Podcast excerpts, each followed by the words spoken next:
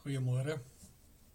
Ons het weer geleentheid om verder te gaan in ons nadenke en ons ons kyk na die evangelie volgens Matteus en vanoggend het ons geleentheid om by Matteus 5 stil te staan. Jesus begin met die bergrede. So kom ons luister na Matteus 5 vanaf vers 1. Toe Jesus die menigte mense sien het, hy teen die berg opgegaan Nadat hy gaan sit het, het sy disippels na hom toe gekom en hy het hulle geleer en gesê: Geseënd is die wat weet hoe af, hoe afhanklik hulle van God is, want aan hulle behoort die koninkryk van die hemel. Geseënd is die wat treur, want hulle sal vertroos word. Geseënd is die sagmoediges, want hulle sal die nuwe aarde ontvang. Geseënd is die wat honger en dors na wat reg is, want hulle sal versadig word. Geseend is die wat barmhartig is, want aan hulle sal barmhartigheid bewys word. Geseend is die wat rein van hart is, want hulle sal God sien. Geseend is die vredemakers, want hulle sal kinders van God genoem word. Geseend is die wat vervolg word, omdat hulle doen wat reg is, want aan hulle behoort die koninkryk van die hemel. Geseend is julle wanneer die mense julle ter wille van my beledig en vervolg en al en valslik al wat sleg is van julle sê. Wees bly en verheug, want julle loon in die, is groot in die hemel. Hulle het immers die profete voor julle net so vervolg. Kom ons bid saam. Vader, baie dankie vir die geleentheid om so rustig te word. Dankie dat ons na u woord mag luister en dit in vryheid nog mag doen in ons land. En wanneer ons so voor u rustig word en besonder by hierdie gedeelte, die saligsprekinge, dan bid ons Vader, maak ons sensitief vir die leiding van die Gees, dat ons mag hoor as Christus ook hierin met ons praat. Wil U ons harte hierin oopbreek vir U, dat ons hierdie gesindheid in ons lewe mag sien en daarin ook ons harte mag toets as ons hoor wat Christus vir ons sê. Ons bid dit Vader in Jesus se naam. Amen. Ons maak dit weer vas en ek vra weer, kyk maar asseblief na die flitskaarte. Ah, daar is 'n skakel vir hulle saam met die die preek. Dis 'n skakel en en hou daarom die agtergrond van Matteus en sy eerste gehoor en gedagte wanneer ons luister na hierdie gedeelte ook. Ons kom nou by 'n gedeelte waar Jesus klaar sy eerste disippels geroep het. Hy het hulle geroep om en gesê dat hy hulle vissers van mense sal maak. En hierdie is die eerste gedeelte waarin Christus dan nou gaan begin leer. Hulle gaan begin leer wat dit beteken en hoe is 'n mens vissers van mense. So hy het sy disippels geroep, um navolgers wat sou leer dink en doen soos wat Jesus dink en doen, deur te kyk en te luister na Jesus voorbeeld en hom te volg. In die in die vorige gedeelte het het ons gehoor dat Jesus begin het om die mense te leer en om die koninkryk te verkondig en dat hy allerlei soorte siektes en kwale genees het. Jesus staan met ander woorde in hierdie vertelling baie sentraal. En nou hoor ons dat Jesus die menigte mense sien. Die mense vir wie hy gekom het. En wanneer Jesus die mense sien, gaan sit hy, gaan hy teen die berg op en hy gaan sit en hy begin om sy disippels te leer. Nou op hierdie manier beklemtoon Matteus die menigte. Hulle is vir Jesus belangrik. Wanneer hy hulle sien, begin hy om die disippels te leer. Later sou Jesus vir sy disippels sê, die oes is groot en die arbeiders is min. Bid dan die Here van die oes om arbeiders te stuur. Die menigte, die mense vir wie Christus gekom het, is vir hom belangrik. En jy hoor dat Jesus gaan sit het, dit was die die erkende teken dat die leermeester nou gaan begin met onderrig, amptelike onderrig as jy wil. In hoofstuk 5 begin Jesus sy eerste groot hoofstuk van leer onderrig. Ons noem dit die bergrede omdat Jesus teen die berg opgegaan het. En die bergrede word met goeie rede die grondwet vir die koninkryk van die hemele genoem. Hierin verwoord Jesus die diepste belangrikste sake waaraan die disippels gehoor moet gee om vissers van mense te word. Dis die nuwe wet. Ja, en wet hier as maatstaf of riglyn vir 'n gesonde lewe. En soos wat Moses teen die berg op is, so gaan Jesus ook teen die berg op. So wanneer ons na hierdie bergrede kyk wat hoofstuk 5, 6 en 7 beslaan, dan is hierdie eerste stukkie vir ons besonder belangrik, want hierdie is soort van 'n asemskep. 'n uh, 'n opsomming van dit wat kom. Die eerste paar verse van die van die bergrede word daarom ook dan nou die saligsprekinge genoem. Jesus wil in hierdie verse vir die disippels leer om te dink en te doen soos wat hy doen. Maar die dinge kom egter kan egter nie losgemaak word van die navolging van Christus nie en van wie Christus self is nie. Dis regtig belangrik. Jesus is die beloofde Messias, die gesalfde van God, die lam van God wat die sonde van die wêreld wegneem. En daarom begin Jesus wanneer hy met sy disippels praat hier by die saligsprekinge. Die saligsprekinge verwoord 'n hartsingesteldheid. 'n Hartsgesindheid sou dalk die beter woord wees. Dis iets wat regdeur die Bybel beskryf word. Ons lees in die Ou Testament in Numeri dat wanneer die volk in Kanaan moet ingaan die eerste keer, hulle verspieders stuur. En dan hoor ons dat 10 van die verspieders nie die land wou inneem nie. Caleb en Joshua sê hulle moet wel. Hulle het gevoel dat met die Here aan hulle kant sal hulle kan doen wat gedoen moet word. Maar die belangrikste is hier dat die Here aan hulle kant die deurslag gee. Die volk kom naderhand in opstand en hulle besluit om nie in te gaan nie. En die Here sê hulle sal nie in die land ingaan nie en, en die meeste van hulle sterf uiteindelik eh, in die woestyn. Maar oor Caleb sê die Here omdat my dienaar Caleb 'n ander gesindheid gehad het en vertrou het, daarom sal ek hom die beloofde land laat ingaan. In Esegiel hoor ons heelwat later dat die Here wanneer hy met die volk praat en en oor hulle ongehoorsaamheid praat, sê dat daar fout gegaan het in hulle gees. Hulle harte is klip. En dan beloof die Here 'n ander hart en 'n nuwe gees. Hierdie hierdie hartsgesindheid verwoord iets van iemand wat homself ken in die lig van wie God is. Dit word waarskynlik die mooiste verwoord in Psalm 42 wanneer die digter sê ek smag na God soos wat 'n wildspog bok smag na water.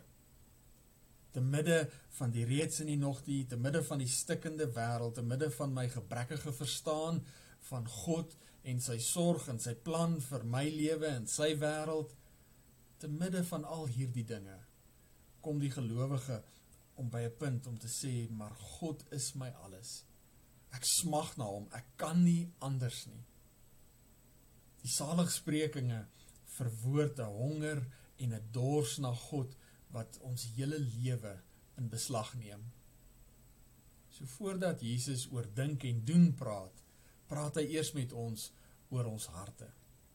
Later in Matteus 6 sal Jesus vir ons sê, waar jou skat is, daar sal jou hart ook wees.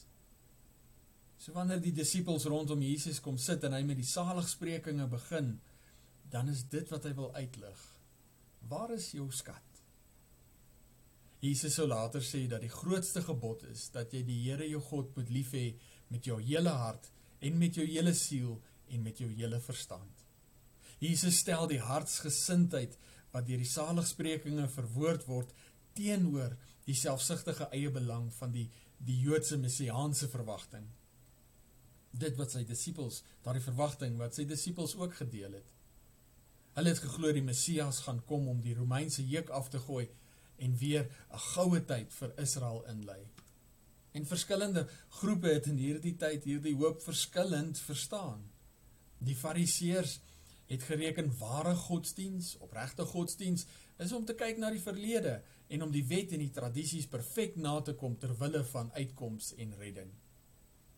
Die Sadduseërs aan die ander kant het gereken dat ware godsdiens was om te kyk na die hede en om dan praktiese kompromieë te maak ten opsigte van die wet en die die tradisies ter wille van uitkoms en redding. Saam met hulle was daar ook die Esseners Hulle het gereken ware godsdiens is om weg te breek van die wêreld, om jouself af te sonder en eenkant te leef en daarin eenkant te leef in gerigiede gehoorsaamheid aan die geloofsgemeenskap se reëls wat gebaseer was op die wet dan. En so het jy uitkoms beleef en redding beleef. Die Selote was 'n groep wat gereken het dat ware godsdiens saamtrek in die nasionale politieke bevryding van die volk en in die aktivisme rondom dit om jouself daarvoor te beywer. Die hart van uitkoms en redding vir hulle was dat jy polities vry word en vir hulle was alles wat jy daarin kon doen om daardie doelwit te bereik geoorloof in die stryd. Hierteenoor kom Jesus Christus, die wettige koning en tergelykertyd die lam van God wat die sonde van die wêreld wegneem. Hy roep vir hom disippels wat deel is van hierdie Joodse leefwêreld en die, en hierdie selfde verwagting koester dat die Messias 'n nuwe ryk sal inwy waarin hulle uit die aard van die saak 'n voorste posisie sou hê. Maar Jesus kom radikaal anders as wat die wêreld verwag het. Radikaal anders as wat sy disippels verwag het. Wat God doen is anders. In Jesaja sê die Here my gedagtes is nie julle gedagtes nie en julle optrede nie soos myne nie. Soos die hemel hoër is as die aarde, so is my optrede verhewe bo julle optrede en my gedagtes bo julle gedagtes. Paulus herinner ons later in Efesiërs 3 dat God magtig is om oneindig meer te doen as wat ons kan bid of dink. En daarom die saligspreuke die wat met alles in hulle, alles wat hulle is en het, smag na God, gaan Christus en die koninkryk vind. Dit is rarig belangrik. Die wat met alles in hulle, alles wat hulle is en het, smag na God, sal Christus en die koninkryk vind. Nou dis belangrik hier om te verstaan, dis nie jou ywer en vermoë wat gaan maak dat jy Christus en deur hom die koninkryk vind nie. Ons lees genadiglik in Handelinge 1 vers 6 dat die disippels nadat hulle hierdie hele pad saam met Jesus gestap het, gesien het hoe hy gekruisig is, gesterf het en dan opgestaan het, dat hulle nog steeds vir hom vra, is dit nou die tyd dat die koninkryk van Israel weer gaan oprig?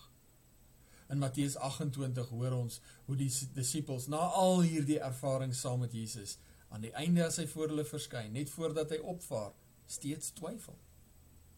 Dit is uiteindelik nie iets in ons in ons eie vermoë wat maak dat ons Christus raak sien vir wie hy is en die moontlikheid van die koninkryk nie. Niemand sien Christus en ken hom as Here en verlosser sonder die werking van die Gees nie. Tog staan die waarheid vas. Gehoorsame navolging van Christus word gebore uit 'n besondere hartsgesindheid. 'n Hartsgesindheid waarin ek smag na God met alles wat ek is en het. En ons het iets hiervan al gesien by die disippels. Toe Jesus hulle geroep het, het hulle gelos waarmee hulle besig was, die mense wat naby hulle was en begin volg, sodat hulle by Jesus kon leer hoe om te dink en te doen ter wille van die koninkryk van die hemele. En nou gaan sit Jesus om hulle te onderrig. En hulle luister. Geseend is die Ons kan hierdie woord ook vertaal met salig of ewig en werklik gelukkig. Dit is die boodskap wat hulle regtig graag wil hoor, die disippels. Hulle leef onder die swaar las van die Romeinse juk en hulle verwag die Messias en nou het hulle hom gevind. En wanneer Christus begin met geseënd is jy, gesalig is jy, waarlik en ewig gelukkig is jy, is dit die boodskap wat hulle wil hoor hierdie hierdie woord verwoord die disippels se verwagting van dit wat die die Messias sou kom doen. Dit verwoord hulle verwagting van dit wat hulle sal beleef as hulle Christus volg. Maar vir hulle op hierdie stadium was dit die afgooi van die Romeinse juk. En Jesus sê nee. Uitkoms en verlossing begin nie daar buite in die dinge wat ons bedreig nie. Uitkoms en verlossing begin in ons harte. Jesus is besig om onderrig te gee en die saligsprekinge is 'n pakkie met kragtige waarhede wat bedoel was om oordink te word. Nou omdat dit gaan oor ons hartsgesindheid, was dit nie bedoel om net een keer te hoor nie en dan te vergeet nie. Dit was bedoel om gedurig deur in ons harte te leef. Ons moet dit heeltyd oordink. Daarom skryf Matteus die saligspreuke sprekinge in 'n spesifieke vorm vas sodat dit maklik onthou en oordink kan word. As ons 'n prentjie daarvan wil maak, dan is daar hierdie raam wat vir ons gegee word, 'n groter prentjie as jy wil. 'n Raamwerk wat sê wat is die belangrikste ding wat die disippels op hierdie oomblik moet hoor en dan binne daardie spesifieke raamwerk 'n klomp kleiner raamwerkies wat af afwentel na 'n dieptepunt toe, 'n diepste dieptepunt toe wat Christus self is. Nou die raam rondom alles wat Christus vir hulle hier vertel, is vers 1 en 2 en vers 11 en 12. Vers 1 en 2 volg fokus die aandag op Christus, die leermeester wat gaan sit, die een na wie die disippels toe kom om by te leer. In vers 11 en 12 kom Jesus om te sê dat as jy by my leer en as jy my volg, sal jy vervolg word. Die disippels het Jesus gevind, die Messias wat beloof is, en nou kom hulle by hom leer. En hier is die belangrike ding wat hulle en ons as disippels van Christus moet hoor. As jy by hom leer en hom volg, gaan jy vervolg word. Net soos die profete van ouds vervolg is terwyl hulle saam met God gewerk het aan sy verlossingsplan. Maar sê Jesus, jou beloning is groot. Hy sê nie onmiddellik wat die beloning is nie. Hierdie raamwerk, hierdie breë raamwerk wat rondom al die saligsprekinge geskryf kan word, is soos 'n glas koue water in die gesig van die disippels. Nie die omverwerp van die Romeine nie, nie die vrederyk met uitsoekposisies nie, nie 'n wêreld soos wat ek dit graag wil hê nie. Nee. Vervolging ter wille van Christus. En daarin die groot vraag. Hoekom sal enige iemand dit wil doen? Hoekom sal ek dit wil doen? En dan binne in hierdie groot raamwerk, hierdie groot stelling wat Jesus maak, die volgende 8 saligsprekinge wat 'n antwoord gee op daardie vraag. Nou die volgende 8 saligsprekinge werk in pare saam van binne na buite gerangskik tot by 'n dieptepunt wat Christus self is. In die lig van wie Jesus is, bou en versterk hierdie pare stellings mekaar op en het elkeen 'n spesifieke uitkoms of beloning wat in die toekoms op die gelowige wag. Nou omdat die stellings in pare werk, verstaan ons die een helfte in die lig van die ander helfte. Al agt van hierdie stellings anker uiteindelik in die mense gebroke verhouding verhouding met God en die die nood wat ons het aan verlossing. En hiermee moet disippels van Jesus erns maak. En daarom wanneer die disippels rondom Jesus kom met hierdie verwagting van 'n nuwe ryk wat aangebreek en en en die en die posisies wat hulle moontlik daarin kan beklee, dan begin Jesus met die saligsprekinge. En hy fokus hulle aandag na binne en nie na buite toe nie. Na binne, na na dit wat in ons harte skeef geloop het en reg moet kom. Binne die raam van vervolging wat heel buite lê, vind ons um die volgende kleiner of dieper raam. En dis vers 3 en vers 10.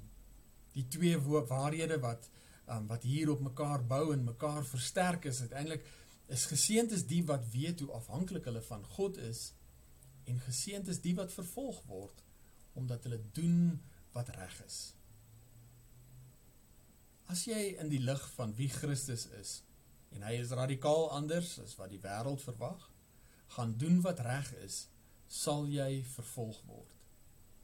En doen wat reg is hier trek uiteindelik saam in wie Christus is. Alhoewel jy hierin gehoorsaam kan bly, is wanneer jy weet hoe afhanklik jy van God is. Vir die eerste woordes wat hierdie 'n baie belangrike gedeelte, né?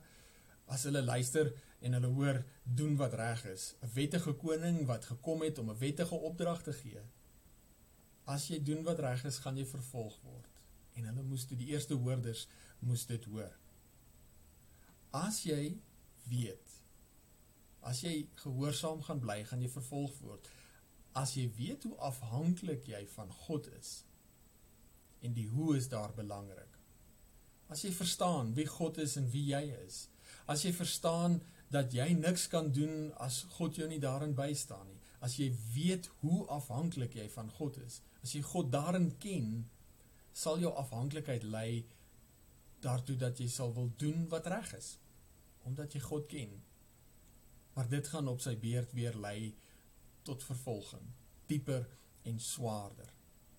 So daar's hierdie kringloop van omdat ek weet hoe afhanklik is is ek, daarom doen ek wat reg is. En wanneer ek doen wat reg is, word ek vervolg en daarom beleef ek dieper en swaarder hoe afhanklik ek van God is. En daarin weer doen ek wat die Here van my vra. Die beloning hieraan gekoppel aan hierdie eerste paar stellings is dat die gelowiges wat so lewe, die koninkryk van die hemele sal beerwe. Dit word in beide van die stellings herhaal en daarom beklemtoon werklik waar jy sal die koninkryk van die hemele beerwe as jy in afhanklikheid van God doen wat reg is. So ons het hierdie eerste groot raamwerk, vervolging ter wille van Christus, vervolging omdat jy doen wat reg is en dan die volgende dieper raam is vers 4 en 9. En die twee waarhede wat hier op mekaar bou en mekaar versterk is, is geseend is die wat treur. En die onmiddellike vraag waaroor? En daarvoor kyk ons na vers 9. Geseend is die vredemakers. Dit gaan hier oor ons verhouding met God. Jesus kom om vrede tussen ons en God te bewerk. Elkeen wat Jesus erken vir wie hy is en wat hy kom doen het, gaan in die stikkende lewe en wêreld treur. God, die Here die Almagtige, het mens geword en in in en in ons plek gesterf sodat ons sonde skuld betaal kan word.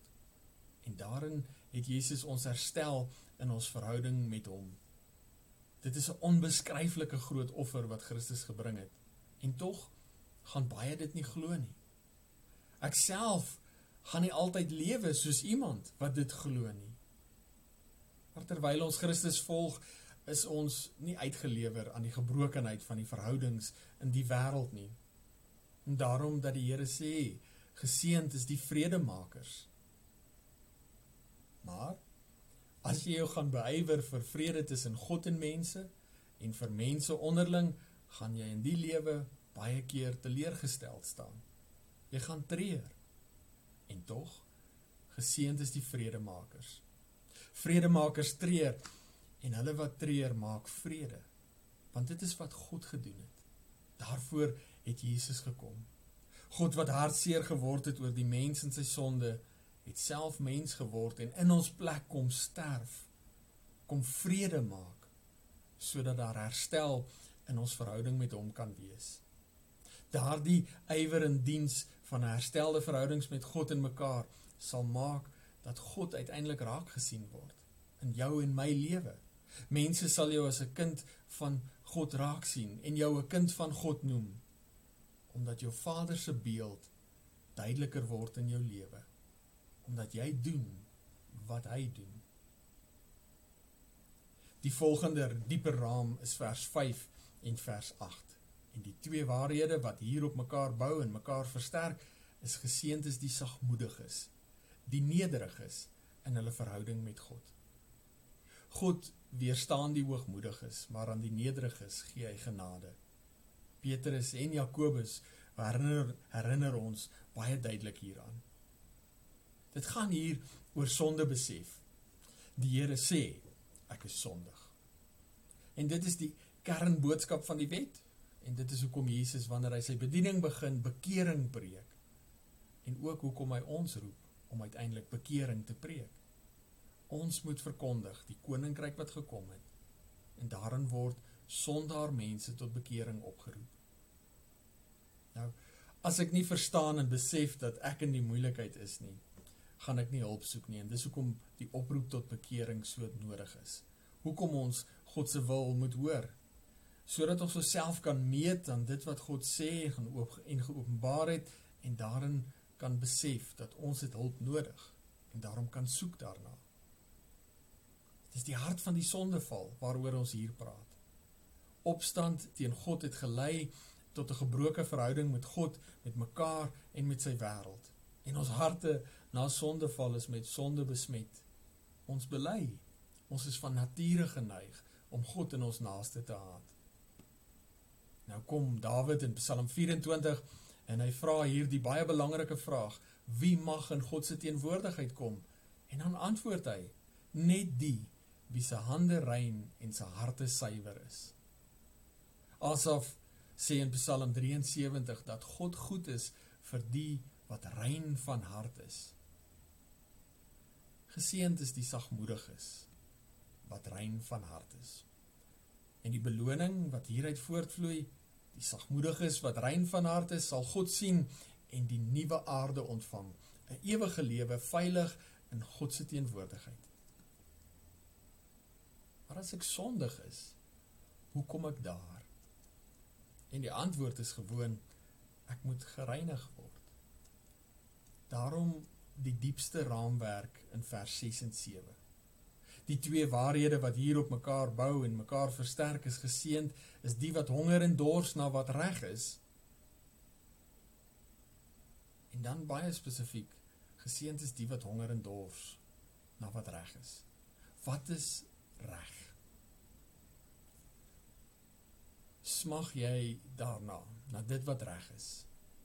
En die antwoord in die lig van dit waarmee Christus hier besig is met sy disippels is reg is dat my sonde regverdig gestraf word en my skuld betaal word. Die probleem vir ons as gelowiges is dat die straf op die sonde die dood is. Hoe kan ek dit betaal en lewe? En dis hier waar ons by die diepste dieptepunt van die saligsprekinge kom. Daardie fokus op Jesus Christus, die seun van God, ons verlosser. God se genadige verzoening. En daarom die die tweede stelling. Geseend is die wat barmhartig is. Disippels lewe om die barmhartigheid wat hulle in Christus ontvang het te deel met ander. Die beloning sê smag na dit wat reg is en jy sal versadig word. Smag daarna.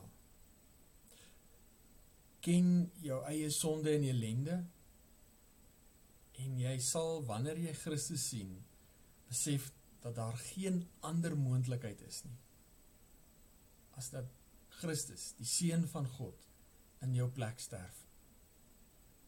Daar is net een pad uit die dood van sonde. En dit is deur Jesus Christus heen.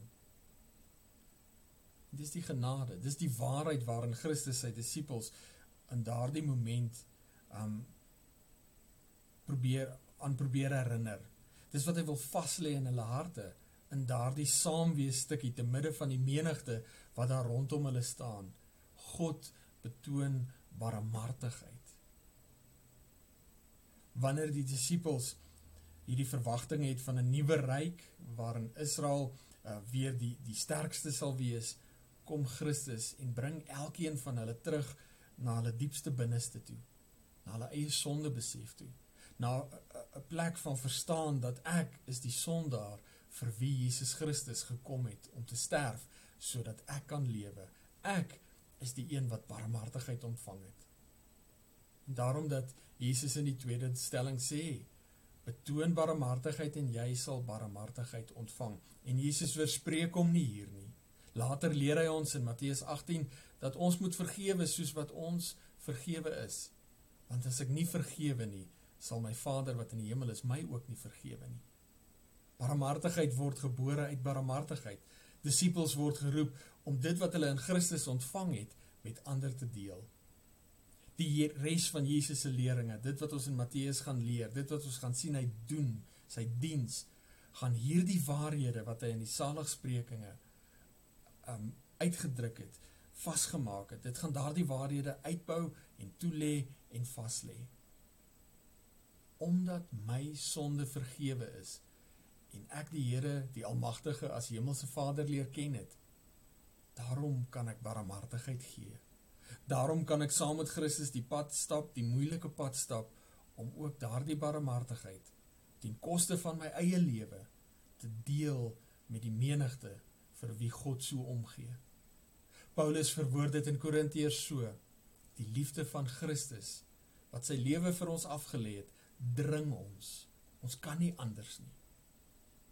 Uiteindelik is ons beloning na alles 'n lewe ewig en veilig in God se teenwoordigheid. Die waarheid omskryf in die saligsprekinge is nie bedoel om so nou en dan gehoor te word en dan weer te vergeet nie. Dit is bedoel om lewenslank te oordink. Vir die eerste gelowiges, vir die disippels wat die pad saam met Jesus gestap het, vir die eerste gehoor gehoor wat luister na Matteus se evangelie en ook ons is hierdie hierdie paar waarhede wat Jesus in die saligsprekinge saamtrek bedoel om in ons harte bly leef. Dis vir ons gegee sodat ons daaroor kan dink en kan wonder, onsself daaraan kan toets. Ons dis gegee om ons te help om by die dieptepunt van ons sonde besef uit te kom, maar daarin ook by die dieptepunt van die omvang van wat die evangelie is, dat God, die Here die Almagtige in Jesus Christus vir ons verlossing gebring het. Ons vrygekoop het van die sonde dood waarin ons vasgevang was wat ons doen en sê word daarom gedoen en gesê in die lig van die waarhede wat Jesus hier verwoord. Disippels doen en sê dit wat hulle doen en sê omdat hulle hierdie hartsgesindheid deel. Hulle smag na God en sy wil met alles wat hulle het omdat hulle weet wie hulle is en weet wie Christus is en wat hy kom doen het. Nou daarin was dan natuurlik vir die eerste hoorders 'n stopteken in hulle gesprek met mekaar oor hierdie geldige vraag na hoe die die die wet en die onderhouding van die wet die die uitreik na die heidene mekaar moet onder, ontmoet. Nou, ons onthou nog hulle leef in die mekaar tye, hulle is verban uit die sinagoge, hulle weet nie meer waar hulle inpas nie en nou het hulle nog hierdie geldige vraag ook. Hoe reik ons uit na die heidene? Sommige sê hou vas aan die wet en alle koste en ander sê nee, reik uit Matteus antwoord uiteindelik ons vind ons identiteit in navolging van Christus. Die wet en die uitreik is belangrik en ons kan dit nie van mekaar af losmaak nie. Maar hierdie saligsprekinge was vir die eerste hoorders ook 'n geleentheid om stil te raak. Stil te raak as individue vir elkeen wat opreg geworstel het met waar hy in in God se plan en wêreld inpas, maar ook vir die gemeente oor waar hulle in God se plan inpas. En die oproep in hierdie saligsprekinge is kyk na jou hart. Kyk na jou hartsgesindheid. Fokus op Christus. Op die grootsheid en die wonder van wie hy is en wat hy kom doen het vir jou en vir die menigte. En as jy dit gedoen het, besluit dan wat jy gaan doen en sê en doen en sê dan in navolging van Christus. Vir die eerste gehoorders het dit uitgeloop op die eerste sendelinge wat gestuur word na die heidense wêreld. Dit wat hulle hier by Matteus gehoor het, het 'n indruk en impak in hulle lewe gemaak ter wille van die menigtes, ter wille van die wêreld oor wie God besorg is. En daarin eh, die vraag vanoggend ook vir ons ons gelowiges wat in 2020 lewe hier in Suid-Afrika. Ons leef in 'n de mekaar land en wêreld. Ons wonder oor wat gaan gebeur die res van die jaar en in die toekoms. Ons wonder oor die ekonomie, ons wonder oor ons kinders se skool en wat daarvan gaan word. En in hierdie omstandighede is die saligsprekinge ook vir ons 'n oproep om 'n oomblik stil te word en weer by wyse van spreuke boeke te vat om te gaan sit en 'n bietjie te stoei met ons eie hartsgesindheid. Wat is jou hartsgesindheid? Hoe dink jy oor ons land, oor dit wat regloop en baie belangrik oor dit wat verkeerd loop? Hoe dink jy oor ons dorp, die dinge wat hier gebeur, wat regloop en verkeerd loop? Meer spesifiek dalk Wat leef in jou hart wanneer jy die dinge sien wat skeefloop? Wanneer ons begin praat oor wie se skuld is, wat wat is jou hartsgesindheid? Hier in die oproep vir ons om 'n bietjie stil te staan by die saligsprekinge. Om dit nie maar net te lees en te hoor gelukkig, werklik gelukkig is die wat dit of daai doen nie, maar om by die dieptepunt uit te kom en vir 'n oomblik weer onsself te meet aan die wonder van wie Christus is en wat hy gedoen het. Laat Jesus se woorde jou hartsgesindheid toets en ook nuut maak sodat jy in toewyding kan volg. Sout en lig kan wees, die sout en lig wat ons land en ons dorp vandag so nodig het. En uiteindelik nie net sodat jy gelukkig kan wees nie, maar dat ons elkeen as individue en uiteindelik ook ons as gemeente saam sout en lig kan wees ter wille van die menigte vir wie die Here omgee en liefhet. Amen. Kom ons bid saam. Vader baie dankie dat ons hierin voor U rustig mag word. Dankie vir die wonder van die saligsprekinge. Waar dit selfs in ons tyd uh, radikaal anders is as wat ons verwag, waar ons ook maar nog leef met die met die Ou Testamentiese verwagting van doen goed en dit sal goed gaan. Kom ons na U toe. En ons kom pleit, wil U ons harte hierin oopbreek vir U. Waar ons al so bekend is met die saligsprekinge dat ons dit hoor en nie hoor nie, om pleit ons maak ons sensitief vir die leiding van die Gees wat ook in ons harte werk. Dat ons onsself opnuut meer mag verantwoord rondom die waarhede wat U hier vir ons deel. Mag ons ons eie lewe sien. In ons swakheid en gebrokenheid en ons ellende maar daarin Vader mag ons vir Christus raak sien die Here van Here die wettige koning wat as lam van God gekom het sodat elkeen van ons wat glo nie verlore mag gaan nie maar die ewige lewe kan hê. Ons bid Vader dat U vir ons in hierdie tyd wat voorlê in besonder die week wat kom ook Vader gee vir ons die genade om te onthou van die saligsprekinge, van ons hartsgesindheid, veral as ons gekonfronteer word met die stikkend en die seer van hierdie wêreld, die die mekaar van ons land, van ons dorp, dat ons nie net sal gryp na regspraak in terme van wie is reg en wie is verkeerd nie, maar dat ons ook sal onthou dat U wat regeer ook oor hierdie omstandighede, elkeen van ons roep as kinders van U om in hierdie omstandighede saam met U te werk. Mag ons ons gesindheid toets aan Christus se gesindheid. Mag ons in ons saamleef met hom dieselfde gesindheid hê wat hy het sodat dit, dit wat ons doen en dit wat ons sê uiteindelik u naam verheerlik mag word. En soos wat ons dan in Filippense hoor, elke knie uiteindelik mag buig en elke tong mag bely dat Jesus Christus die Here is tot eer van U naam. As ons so rustig word dan kom dink ons weer aan tannie Annetjie en ons dra aan die op na haar kinders.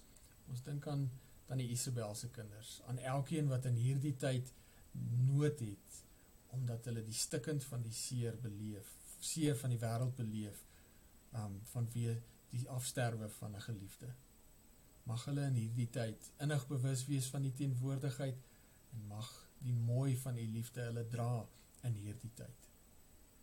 Ons kom bid Vader vir ons elkeen as gelowige, vir ons land, vir elke gelowige in ons land en ons pleit Vader, kom maak ons harte oop hierin vir u. Kom breek ons harte oop vir u dat ons met 'n Christusgesindheid van nederige diensbaarheid die barmhartigheid wat U vir ons gegee het, sal deel in ons omgang met ander mense. Broers en susters in die geloof, maar Vader ook met die menigte wat rondom ons swarrel. Skarrel, die mense wat ons pad kruis, wat U toelaat om ons pad te kruis. Vader, maak ons bewus van U roepstem hierin en hierin ook sensitief vir die leiding van die Gees, sodat ons die geleenthede wat U vir ons gee, om Christus se liefde te deel met ander, sal raak sien en ten volle sal gebruik. Ons bid dit Vader in Jesus se naam. Amen. Baie sterkte vir die week wat voorlê. Mag jy in jou diens saam met God die mooi van sy liefde beleef en mag jy die genade vind om daardie mooi te deel met die mense om jou. Mooi bly.